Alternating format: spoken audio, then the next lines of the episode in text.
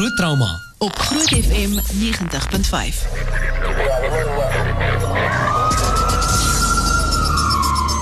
Maar welkom, dis 5 minute oor 8 op die Woensdag aand en weer tyd vir groot trauma. Lekker propvol program. Ons gaan onder andere gesels oor twee uh aspekte vanaand of onderwerpe. Een uh, oor testosteron want ek dink ons kan nogal lekker lank gesels, nee Jak. ja, yes like en gelukkig is dokter Koning hier om 'n uh, bietjie vir ons te help met hierdie hierdie gewigtige saak. ja. Uh en dan gaan ons sommer afskop uh, met groot trauma met uh, dokter Pieter Smaal. Hy gaan 'n bietjie vir ons meer gesels oor gebaretaal, die belangrikheid daarvan uh en natuurlik ook uh, met Zander Loubser oor weet hoe weet hoe kommunikeer met 'n persoon of met 'n pasiënt selfs in 'n hospitaal of uh, in 'n trauma eenheid en ook dan op die pad jy weet met 'n pre-hospital care. So ek dink dit gaan nog 'n baie lekker interessante en insiggewende gesprek wees vanaand. As jy wil saamgesels, jy's meer as welkom. Ons WhatsApp nommer is 061 610 4576 en onthou standaard daardie geld. Jy kan ook SMS stuur by 49905 teen R150 per SMS. Ons is net hier na terug. Groot trauma op Groot FM 90.5.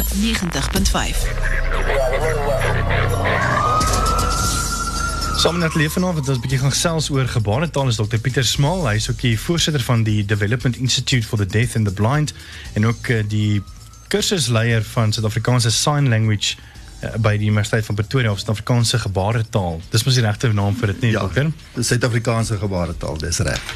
Hoekom dink jy is dit belangrik dat weet gehoor persone ook 'n taal aanleer soos gebaretaal?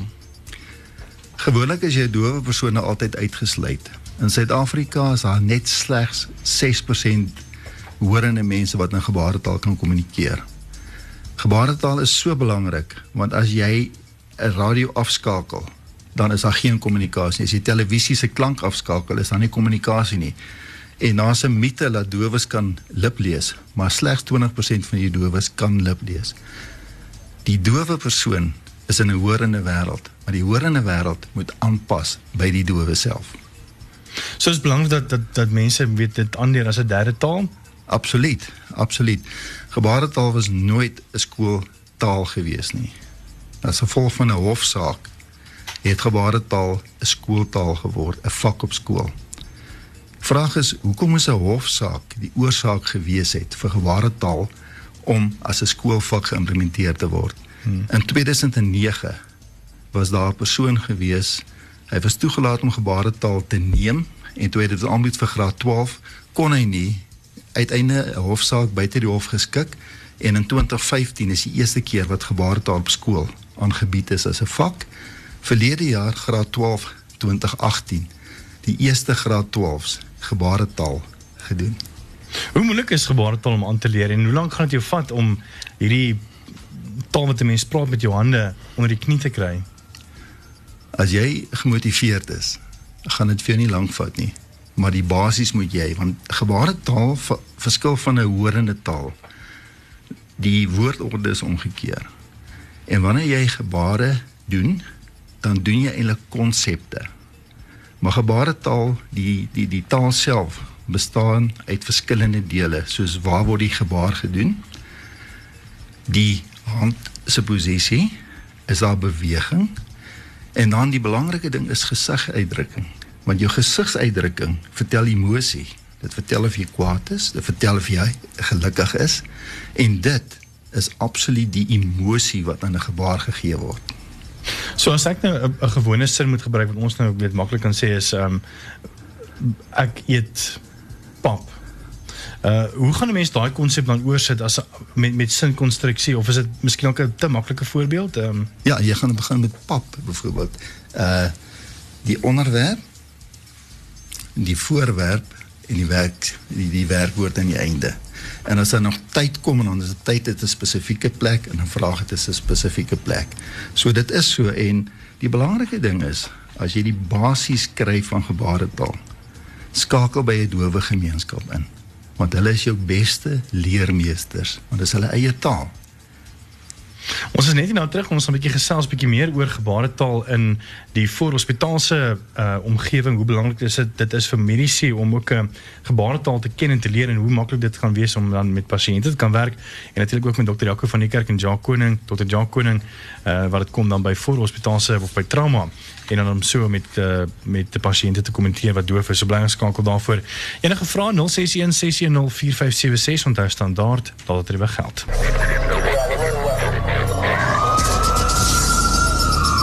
By kan sterk net oor af op die Woensdag aand, klein Saterdag en dit is tyd vir groot trauma. Ons gesels bietjie oor gebaretaal en hoe dit kan help in trauma situasies. Jaco, jy het al geval gehad in in trauma met 'n dowe persoon waarmee daar 'n bietjie van 'n kommunikasie barrier was, sou jy sê? Ja, Pieter, dit is ehm um, dit is nog 'n groot storie gewees. Ehm um, ek was aan diens gewees die een Saterdag en hier bring hulle of die ambulans bring vir my 'n pasiënt in wat betrokke was in 'n in 'n cricketwedstryd. Dit was een van 'n groot cricketkampioenskappe in Pretoria. En dit was cricketkampioenskappe vir dowes en hierdie ou het seer gekry. Maar so met die eerste oogopslag kon ek nou nie sien waar die bal hom getref nie. En ehm um, begin vir hom vra ewe skielik, ek is van die kerk, ehm um, ek gaan na jou kyk, waar is dit seer? En die man kyk my so aan asof ek heeltemal mal geraak het. Nie begin hy met sy vingertjies, weet. En ehm um, ek kon hom glad verstaan nie. En dit dit het my net laat besef dit is dis so 'n moeilike ding want nou moet ek begin. Ek weet nie wat hy vir my sê nie. Hy weet nie wat ek vir hom sê nie. Ja. Ons kan nie met mekaar kommunikeer nie. So waar begin jy? En jy moet eintlik van bo af maar begin en dis wat ek gedoen het. Maar jy mors soveel tyd om agter te kom waar is daai ou se probleem dat jy eintlik as dit 'n ernstige besering sou gewees het dalk dalk die pot heeltemal mis kon sit so eintlik sou jy miskien ook aan die begin gedink het hoorie maar hierdie ou is miskien ook 'n bietjie net gedisoriënteerd ja. hy, hy kan nie nou praat nie of jy weet want jy jy kry ook mense wat de mekaar is jy weet ek, en en en dis glad nie lelik bedoel teenoor die dowes nie maar iemand wat epilepsie aanval gehad het wat wakker word wat tydker de mekaar is hulle maak ook gebare taal en nie noodwendig goeie is nie ja. maar Maar hulle kan ook nie altyd met jou dadelik kommunikeer nie. Jy weet nie van hoofbeserings nie. Jy weet mm. en en jy weet nie waar wat wat nou eintlik regtig aangaan nie. Mm. En dit is eintlik gevaarlik vir die vir die pasiënt en vir jou want jy kan uh, heeltemal die pad byster raak in die in die hantering daarvan.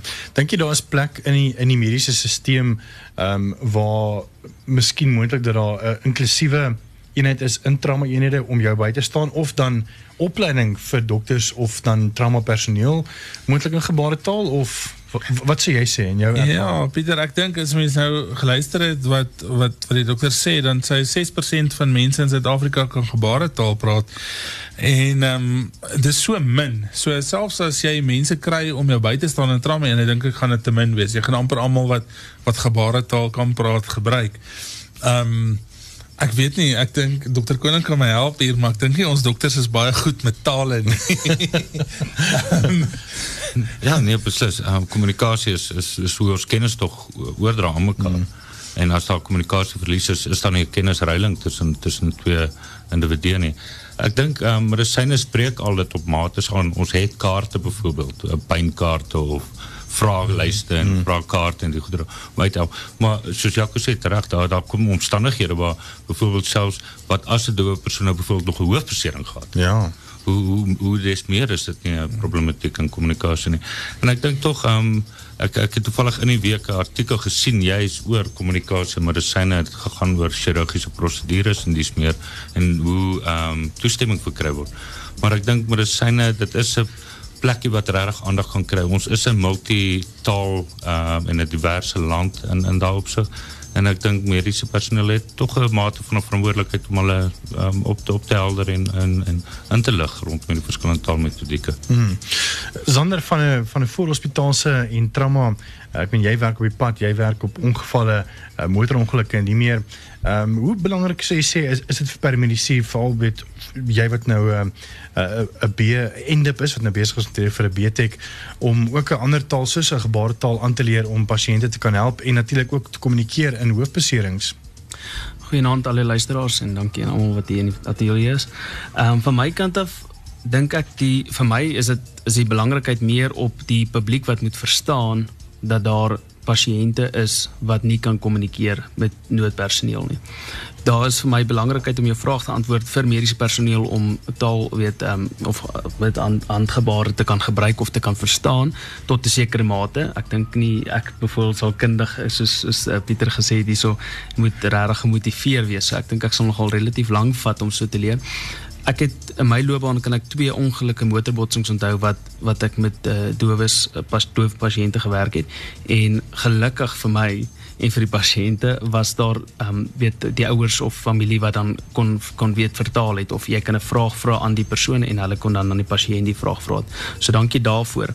Maar nie net met dowe pasiënte nie, jy kry ander kommunikasie gapings ook soos ons nou gesê het hoofbesering pasiënte, pasiënte wat nou net 'n epileptiese aanval gehad het, jou klassieke epileptiese aanval na die tyd is hulle deurmekaar, hulle word nou eens wakker, tong nog dalk raak gebyt, so kan ook nie lekker kommunikeer nie diabetiese pasiënte of suikeraanval pasiënte, hulle is heeltemal deur deur mekaar en breek in 'n koue sweet uit, lyk soms so bleek.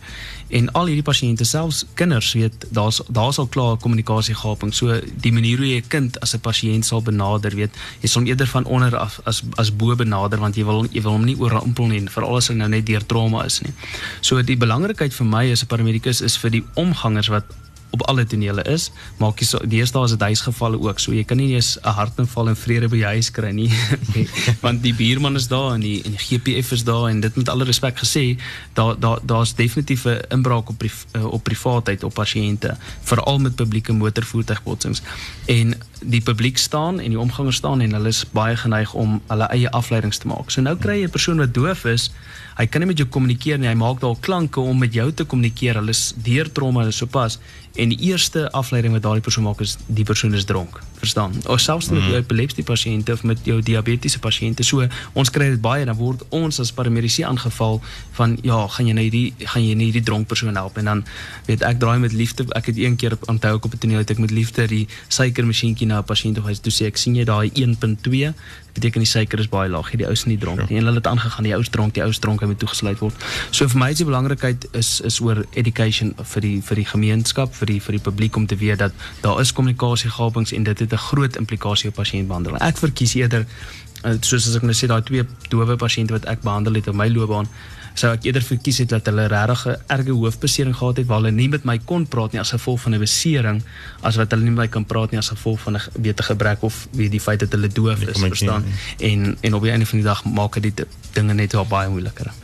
Dr Pieter, jy het ook 'n storie van 'n van hoofbesering en hoe kommunikasie gehelp het. Beslis.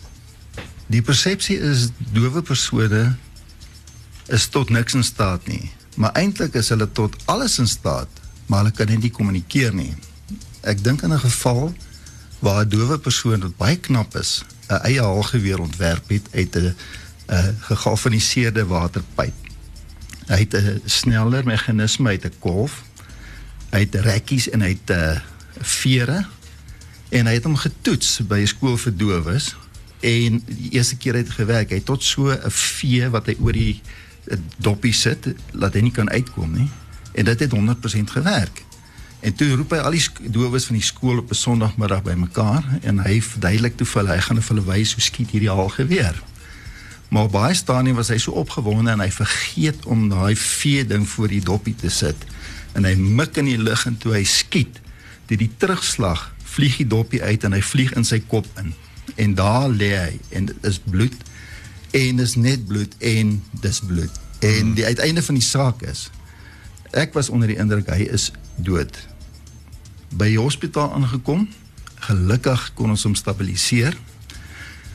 Die wond was verskriklik diep, maar gelukkig nie deur die been nie.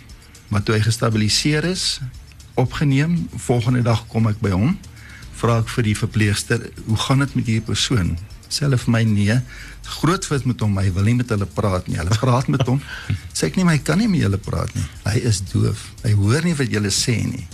En op baie stadium, toe sê ek vir hom nou as hy pyn het, gaan hy vir julle dit wys en ek wys die gebaar vir pyn. As hy water wil hê, gaan hy dit doen. En dadelik is daar belangstelling. Paar verpleegsters gekom, ek het vir hulle vinnig 'n vinnige kursus hier in gebaretaal net om daai spesifieke aspek in daai persoon en dit het gehelp net vir daai hulpverlening aan dowes in 'n kritieke situasie. Hmm. Ons is net nou terug en dan gaan ons gou van 'n bietjie Facebook live as jy wil sien om van hierdie gebare te gebruik. Uh jy's miskien ook net 'n um, gebare wat mense in, in 'n noodgeval kan gebruik uh, om met 'n persoon wat doof is te kan kommunikeer en dan vice versa om met jou te kan kommunikeer. So bly geskakel, ons is terug net hierna. Groot trauma op Groot FM 90.5. Welkom terug by Groot Trauma. Uh as jy ons like op Facebook, dis Groot FM 90.5, dan gaan jy sien jy gaan sommer nou 'n herinnering kry om te sê dat ons is Facebook live en uh, Dr Pieter Smal, hy's 'n voorsitter van die Development Institute for the Deaf and the Blind en hy's ook uh, die kursusleier van die Suid-Afrikaanse gebaretaalvereniging by die Universiteit van Pretoria en hy bied ook daarso kursusse aan. So die dokter en Zander gaan vir ons 'n bietjie wys um, van wat so 'n paar vinnige weet kort woordjies van hoe jy met 'n dooie persoon kan kommunikeer en ook vice versa sodat jy die persoon kan verstaan. Ja. So uh, oor na julle twee toe. Ora dokter, so ons het uh, nou so voor die breek of na die ja, in die tydens die breek het ons 'n vraag oor kom ons sê daar 'n insident plaasvind of ek of een van die dokters het 'n pasiënt en ons wil een van die volgende 5 vrae vra. Ons wil net weet uh, of dokter dit vir ons kan illustreer en dan kan ons die video altyd mos maar weer kyk en ek stel definitief belang Pieter het ook genoem dat ons sommer maar kursus verloop so crash course en so aan. Alright, so die eerste vraag sal wees as ons wil vir die pasiënt vra, hoe voel jy? Hoe wat sal ons vir die pasiënt vra? Okay. Ek sê vir voorstel as jy ehm um, as jy wil sien, uh, ons is Facebook live op hierdie stadium, so gaan so gaan ons Facebook bladsy toe en jy sal sommer daarso sien ons is live. Gaan kyk die video en dan luister ook sommer op jou radio saam. So ja, dis nogal eienaardig vir die mense wat by die radio by die huis nou sit en luister. So ek wil ek wil nou net bevestig so hoe voel jy? Vryf van sirkulêre mosie oor die borskas. Bring jou hande vooruit en dan sirkel om die gesig. Alright, interessant. Volgende vraag wat ek dink belangrik is, het jy hulp nodig?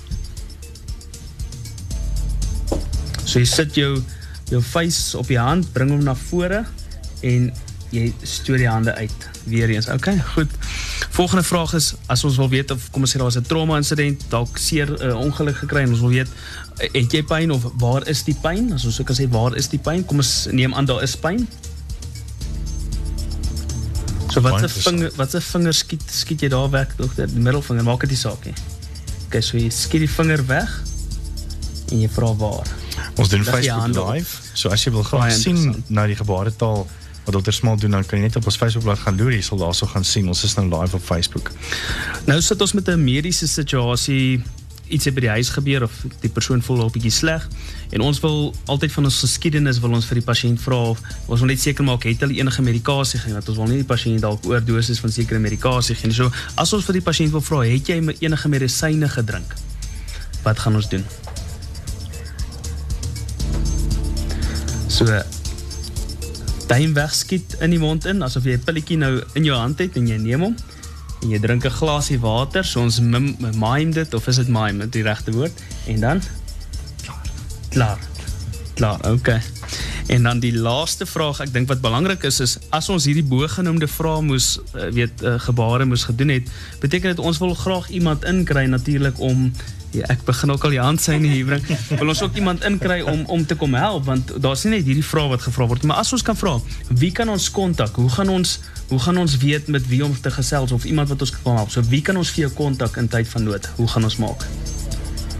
Telefoontjie maak en op die kenkap. Net so. En hoe gaan die persoon my antwoord? As ek nou kom ons sê ek wil sê my weet my ma of weet wie ook al my translator dalk of wie hoe gaan hy vir jou antwoord? Dan gaan hy vir jou dalk inskryf of gaan hy vir jou wys? Hmm. Dan gaan hy vra vir 'n stuk papier daarso en dan kan jy vir hom gee. Selfoon. Okay, so skryf. dan gaan ek skryf. Okay. Maar dit is maar uh, in 'n noodgeval soos daai kan hulle dan ook gebruik want gebaretaal is mos maar ehm um, konsepte en voorwerpe maar ook alfabetiese en numeriese Ehm um, so byvoorbeeld as as jy gou van tot tot 10 kan tel. Uh of wys dit met 'n vinger 1 2 3 Okay, so maklik is dit dan. So jy raak met die duim op die betrokke vinger wat dan dan nodig is vir om die 1 en 2 aan te wys. 6 7 8 9 10. Dit nou sê. Baie Ja, interessant. is baie interessant. Ek ek dink die mense wat by die huis sit en luister uh is nou heeltemal van die van die uh, ro- rollie afgegooi, maar um, gaan kyk gerus op Facebook. Uh, die video gaan na die tyd ook Ja. beskikbaar wees. Ek dink is baie interessant en ja, jy het definitief my aandag geprikkel. Dankie dokter. Wees baie dankie vir daai. Uh die video sal ook weer beskikbaar wees op ons Facebookblad later. As jy weer wil gaan loer, gaan kyk na die gebaartaal, is baie interessant. En uh u bied ook 'n kursus aan dus uh, by die Universiteit van Pretoria. Uh gaan kan net gaan kyk op enterprise.ac.up as ek dit mis het nie, nê. 100% reg. En weer eens baie dankie dat jy ingekom het en 'n bietjie vir ons hierdie wêreld gedeel het. Uh, ek dink is belangrik dat daar 'n bietjie meer uh, ek, vir, as gaan graag wil 'n kursus doen om oor gebaretaal verseker. Baie dankie. Ek dink dit is so belangrik en gebaretaal is 'n lewendige taal. Dis 'n kommunikasietaal en in sekere gevalle is daar nie kommunikasie nie, maar wat ek wel wil doen is hierdie is die internasionale gebaar vir I love you. Ek het eendag met 'n het ons in 'n groep gesels en 'n dowe persoon, sy was getroud geweest. Toe vra ons nou maar as die lig nou aan die aand af is, hoe sê jy en jou man julle is lief vir mekaar? Sy sê sy vat sy hand so by I love you en sit dit op haar bors neer, dan weet hy sy is lief vir hom. So net om vir jou te verduidelik by die huis, um, as jy jou linkerhand vat en jy hou hom uh so voor jou in die lug, dan maak jy al jou hande of jou jy maak jou hand 'n face, dan maak jy jou duim oop, jou wysvinger en jou pinkie. Dis amper soos rock on, maar net met 'n duim.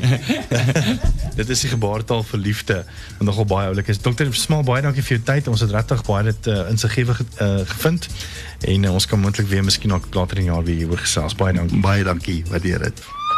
Groot trauma op Groot FM 90.5.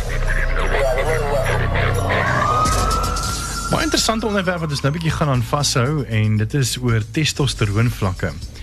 Uh, Dr. Jacques Koning is hierso en hy het so 'n bietjie van 'n persoonlike eksperiment gedoen. Hoe hoekom het jy dit gedoen juis?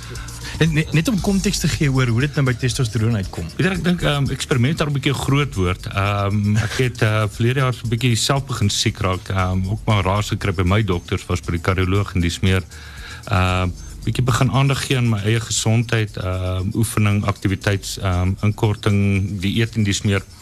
Uh, dit was my eintlik meer uh, met die doelwit van dis my maklik om te preek. Ek wil my amper soos 'n dominee um, voorstel. Dit is my baie maklik, maar die vraag by myself het begin ontstaan, hoe maklik kan ek praktiseer wat ek preek? Hmm. Uh, ek kan baie maklik vir 'n pasiënt sê kom in 'n oefenprogram. Kan baie maklik vir 'n pasiënt sê neem deel aan hierdie dieet, kyk hierna en dis meer. Ehm um, en dis eintlik waar die eksperimentele deel inkom om te kyk kan ek 'n ure dag uitsit vir 'n oefening en dis meer. En in die gedeelte ehm um, kry ek so bietjie nou en dan hiccups. Uh, waar die handboek dit baie eenvoudig verduidelik maar dis nie presies wat met my gebeur al is ek op hierdie dieet al is ek op hierdie oefenprogram of so. So dan speel ek maar so 'n bietjie met laboratoriumwaardes ook rond en gaan kyk um, wat se veranderinge bring ek aan, hoe het byvoorbeeld my cholesterol aangepas as ek begin oefen, hoe my bloeddruk um, aanpas. En onder andere byvoorbeeld die testosteroon. Um een ding waarmee ek die meeste gesukkel het is om my strandbal magie weg te kry. Um hmm. verskriklik en ek het nou al met almal gepraat. Hoe kry ek van hierdie magie ontslae en um uh ek een van die antwoorde was is om te gaan kyk na testosteroon, veral metabooliese sindroom. Um en dis eintlik waar die testosteroon gedeelte inkom. En uh, so eintlik was dit was dit oor jy wat kyk na jou gesondheid. Ehm um, dokter het vir jou as 'n dokter gesê Ja. hoor uh, jy sal moet 'n bietjie kyk na jou dieet. Ehm Ja. um, dis maar die gewone goed. Ek meen as jy, Ja. as jy gaan hier seker dan sê dokter hoor jy kyk na jou dieet, jy moet oefen, uh, diabetes 2 is moontlikheid en sulke goede maar uh, hoe het dit gekom dat jy gedink het hoorie maar kan testosteroon uh, waar het jy gekom om juist na daai spesifieke ehm um, dis nie 'n ensiem nie, dis 'n Hormoon, ja. te kyk. Ag Pieter, uh, verskillende redes. Ek het paar parameters uh, van myself geneem uh voor ek begin het. Uh, dit was nou toevallig wat die wat my dokter afgeskrik het en uh, ek dink as jy nou dink jy kry moeilike pasiënte, 'n dokter is 'n nog moeiliker pasiënt. Jy weet ons ons ons ontwyk alles en ons wyk ontwyk ehm um, selfs. Maar ek het ek het paar parameters geneem. Ek het soos my lengte, my gewig, my buik omtrek, my heup omtrek, ehm um, my my um, liggaamsmassa indeks. Ek het nou cholesterolwaardes, suikerwaardes, uh, insulienwaardes en dis meer en dis meer geneem. Nee, wat ek nie geneem het nie was die testosteroon. En um, hoe meer ek daaroor gaan lees het, so, uh, soos ek sê, daar was 'n paar kwelpunte wat ek net by myself ervaar het al alhoewel ek my gesondheid baie dramaties aangespreek het. Dramaties, regtig, ek het besonderse resultate vir myself. Ek, ek verwys na myself nou was die een um, een van die goedere was uh, was rondom aan die begin het ek gesukkel bijvoorbeeld met gewigsverlies. Ek ek sou oefen en eintlik sou ek 2 kg opgetel het. So jy so jou doel was om eintlik maar gewig te verloor, Ja. want dit is wat die dokter sê, maar nou gaan jy op hierdie streng dieet of of uh, lewensveranderende wyse wat jy nou Ja. uh, doen en dan skielik tel jy gewig op. Ek dink baie mense ervaar dit. Presies en dit is is en mense hoor dit in die spreekkamer ook van pasiënte. Jy, jy doen nou hierdie oefening en jy het nou jou buik omtrek en nou 2 maande later neem jy weer jou buik omtrek en oorsklik jy 'n paar sentimeter groter rondom jou buik omtrek.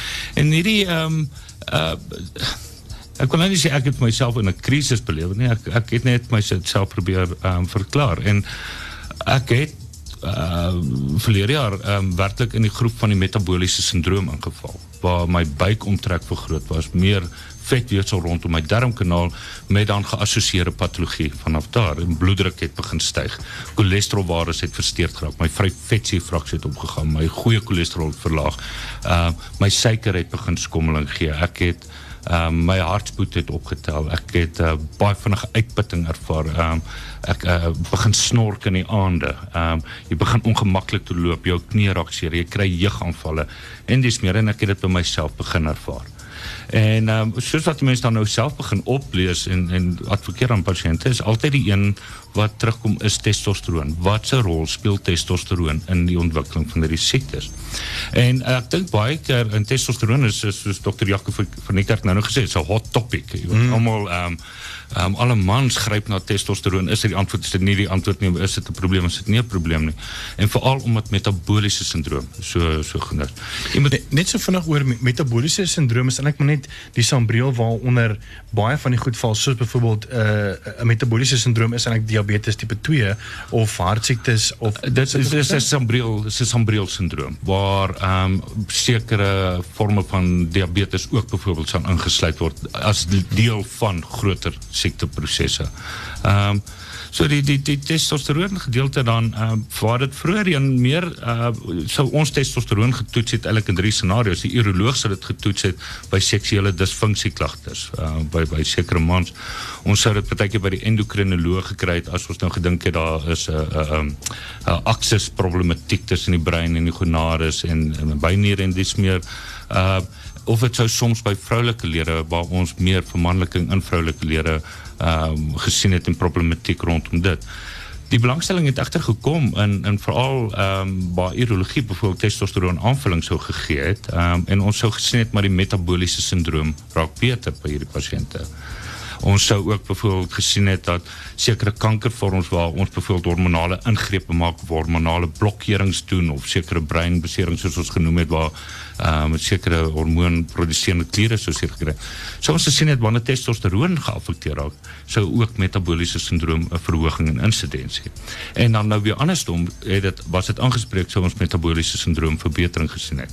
En um, hierdie moet dan in perspektief gesien word. Daar is definitief 'n assosiasie en ek dink enige man ehm um, wat wat sukkel met metabooliese sindroom is dit wys om net testosteroon op 'n stadium ook te gaan toets en ook net na gaan kyk. Dit is nie die antwoord vir jou probleem nie. Dis net soos wat suiker en diabetes is nie die alleen probleem in metabooliese sindroom nie. Dis net soos hoë bloeddruk is nie die alleen probleem nie. Hierdie is meer oor die mesenteriele vetweefsel, buik vetweefsel en waar testosteroon 'n problematiek daar ook mag speel. Hmm. Maar dit mag vir baie persone ehm um, wel weliswaar 'n bietjie van 'n hulpmiddel wees. Sou hulle wel sien dat die testosteroon is verlaag en daar word aanvulling daarvoor ge- aangebied. is alles van hierdie goed nie maar eintlik maar uh, vou eintlik maar half uh, in mekaar in nie want jy het nou vroeër gesê um, as iemand nou gaan vir seksuele disfunksie dan sal hulle die urine getoets en dan teen teen testosteroon gegee het maar uh, die eintlike simptome kon eintlik maar gewees het vir diabetes moontlik want dit veroorsaak ons ook Dit, dit dit mag wel eens waar. Dit mag wel eens waar. Dit is goedere wat ons nou sien. Ons ons um, ek dink ek dink in die het ons daarna gekyk en ons het gevra hoekom raak mans kardiovaskulêr siek ongeveer 5 tot 10 jaar voor vroulike lede. Um, en een was altyd gesê ja, die estrogen beskerm die vrou, maar ons almal weet uh, voorbehoedmiddels is later 'n kardiovaskulêre risiko. Um, dis dan later gesê nee, dis die afwesigheid of die baie ehm um, la uh, konsentrasie van testosteroon blootstelling wat vroue gehad het. Maar nou is die vraag nou weer maar as ons begin nou testosteroon aanvulling te gee en ek dink jy moet ook die onderskeid gemaak word. Ons wanneer ons na metabooliese sindroom verwys, moet ons nie onmiddellik ook na kardiovaskulêre siekte verwys nie. Apart hou. By siekte is hormonale aanvullings tot dusver word nie aangemoedig. Hmm. Maar by metabooliese sindroom wel, waar het, ons dan hierdie sambreel van van van simptome en siektebeelde kry. Uh by sekere mans mag dit 'n uh, uh, waardevolle hulpmiddel wees. So en jy Jacques, jy wil nog iets gesê? Nee, nee. Jacques, dan is 'n lekker vraag maar. nee, ek krap sommer. Ehm um, wat, wat ek wou net vir gevra het, so wat is jou konklusie met jou eie ervaring nou van ehm um, gesonde lewe of 'n beter 'n gesonder lewenstyl, uh, beter eetgewoontes. Ehm um, jy het gewigsverlies getoon mm. na 'n paar maande. Mm. Uh en nie soos baie mense wat sê maar nou iewes skielik 5 kg gaan verloor nie. Uh ek dink dis weet stelselmatig. Maar wat se rol het testosteron dan eintlik dan? Ehm um, moet jy dan 'n aanvulling hê om om gewig te verloor of Peter ek ehm um, nee, my waarheid was toevallig ehm um, normale rykwyte. Ek het nie nodig gehad nie. Dit was nie 'n verduideliking vir hoekom ek sukkel ek sukkel maar waarskynlik maar net uh, meer weens 'n genetiese um, variasie. Ek het ook nog nooit 'n six pack gehad, so ek moet ook dit ook dan nog noem. nee, ek lyk nog soos my baba foto's uh, as as ek sit. Ehm um, maar dit was net vir my half interessant na hierdie parameters. Ehm um, uit uit 'n gesondheidsoogpunt ehm um, fenomenaal, fenomenaal. Ehm um, gewigsverlies soos ek sê daar moet geduld toegepas word maar dit is dit, dit is traumaties ehm um, ek is tans wat ek nie enige medikasie meer hoef te neem nie. Sure. En dat ek net uit lewenstyl kan gaan. Ja, so ongelooflik. Nou 'n bietjie op 'n ligter noot. Uh kom met testosteron. Ehm um, mense dink altyd testosteron moet sky high wees waar dit ehm um, nou by tussen mans en vrouens kom. Maar ek het nou gelees hier hulle sê is 'n man verlief raak dan ehm um, sal sy testosteron vlakke val waar die vrou se sal optel totdat die honeymoon periode verby is. Is daar enige goeie internistiese rede daarvoor? ek het nou hier spottend verwys dat ehm um, testosteron moet verstaan word is 'n androgeniese stimulant by uh, wat vermanneking aanmoedig en dan veral seksuele organe en dan sekondêre seksuele kenmerkorgane uh, aanspreek. Uh, by seksualiteit 'n uh, bietjie anders te rol as wat dit byvoorbeeld by metabooliese rol speel. Ehm um, ek nou nou is spot en verwys dat wanneer mans veral testosteron af, um, afskei is byvoorbeeld wanneer ons gaan beklei of wanneer ons vroue jag of wanneer ons bokke jag en die goedere. En dit is presies wat gebeur wanneer jy nou uiteindelik settle en jy het nou jou girlfriend of jy het nou jou vrou.